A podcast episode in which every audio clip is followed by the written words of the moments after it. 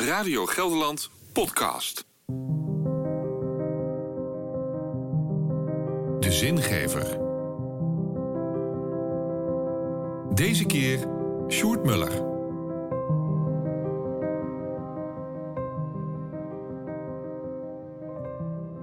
Ook dat nog. Eerst overlijdt Wim de Bie en nu ook nog Huub Oosterhuis. Zo gaat het wel erg rap met de taalkunstenaars. Toegegeven, ik was meer onder de indruk van het overlijden van de eerste dan van de tweede. Wim de Bie hoorde bij mijn jeugd. Keek op de week was iedere zondagavond vaste prik, ook al was ik nog zo jong dat ik vermoedelijk de helft van de grappen niet begreep. Wel heb ik nog de videoband, jawel, video, met daarop alle afleveringen van Jacobsen en van S. Nu nog een recorder om het op af te spelen.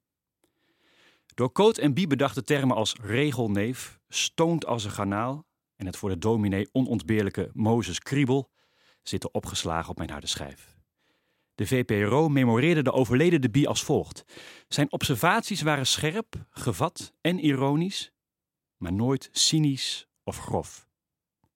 Vooral die laatste zin doet je beseffen dat juist deze huidige tijd een schreeuwende behoefte heeft aan meer Wim de Bies. Denk het je eens in. Van Koten en de Bie over stikstof. Over de podcast van de koning. Over aanstekers die op een voetbalveld gegooid worden. Wim de Bie, wat zul je gemist worden? Over het overlijden van Huub Oosterhuis is al veel gezegd en geschreven. Misschien wel de laatste theoloog die het acht uur journaal haalt, werd gezegd. Daar is geen woord aan gelogen, vrees ik. Vooral Dagblad Trouw zag zijn kans schoon en ging twee dagen lang los in een obade aan de overleden Oosterhuis. Zangers lieten weten tot tranen toegeroerd te zijn door Oosterhuis teksten, iets dat mij, eerlijk is eerlijk, ook wel eens is overkomen. Ook de term invloedrijk kerkvernieuwer viel in de krant. Dat laatste moet de tijd uitwijzen, denk ik. En als het al zo is, was lang niet iedereen binnen de kerk daar blij mee. De vader van een katholieke collega van me bijvoorbeeld, die het hele luidruchtige proces van de kerkverlating van Oosterhuis destijds op de voet volgde, was ervan overtuigd dat de ex-Jezuïet hoogstpersoonlijk de Nederlandse katholieke kerk naar de vernieling heeft geholpen. Toegegeven, van een eigen tijdse, democratische katholieke kerk die Oosterhuis destijds voor ogen had, is niets terechtgekomen. En de strijd van progressief tegen conservatief is al lang verstomd. Daarvoor hebben te veel katholieken gruisloos de kerk verlaten. Andere collega's bij de radio, die veel als journalistiek met hem te maken hebben gehad, omschreven Huub Oosterhuis als een ijdele brombeer. Of, zoals de Volkskrant deze week zei, de kunstenaar Oosterhuis floreerde bij een adorerend publiek. Een tikkie ijdel dus. Maar als je met meer dan 700 liederen de liturgie en de kerkmuziek in beweging zet, dan mag dat natuurlijk. Ken je mij? Uit vuur en ijzer, wek mijn zachtheid weer, mijn persoonlijke favoriet. En natuurlijk, de steppen zal bloeien, niet mijn favoriet. En zo kan ik nog wel even doorgaan.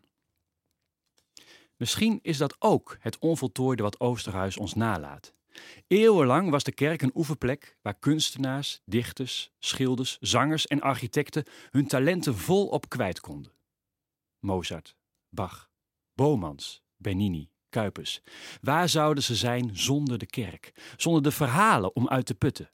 Zonder een instituut dat blijft zoeken naar een manier waarop je de eeuwige, het onnoembare, toch recht wil doen.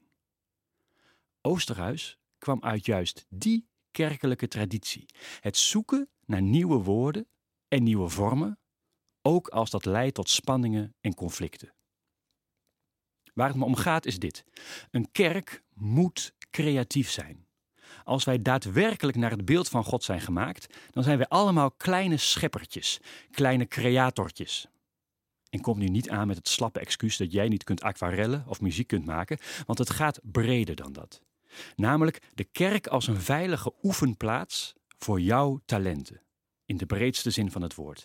De kerk als plek waar je leert samen zijn in een groep, waar je leert leiding geven, waar je les geeft of juist les krijgt. De kerk als plek waar je gitaarles krijgt of piano leert spelen, waar je leert zingen of dichten of tekst schrijven. Hoe simpel wil je jeugdwerk hebben? Maar waar gebeurt het nog? Zeg van de evangelische megakerken zoals Doorbrekers of Mozaïek wat je wil, maar geef ze in ieder geval krediet dat ze vooral op muzikaal vlak een stuk creatiever zijn dan de traditionele kerken. En dat is dus een oeroude christelijke traditie. Herman Vinkers, ik zeg het wel vaker, spreekt van de drie-eenheid religie, humor en kunst.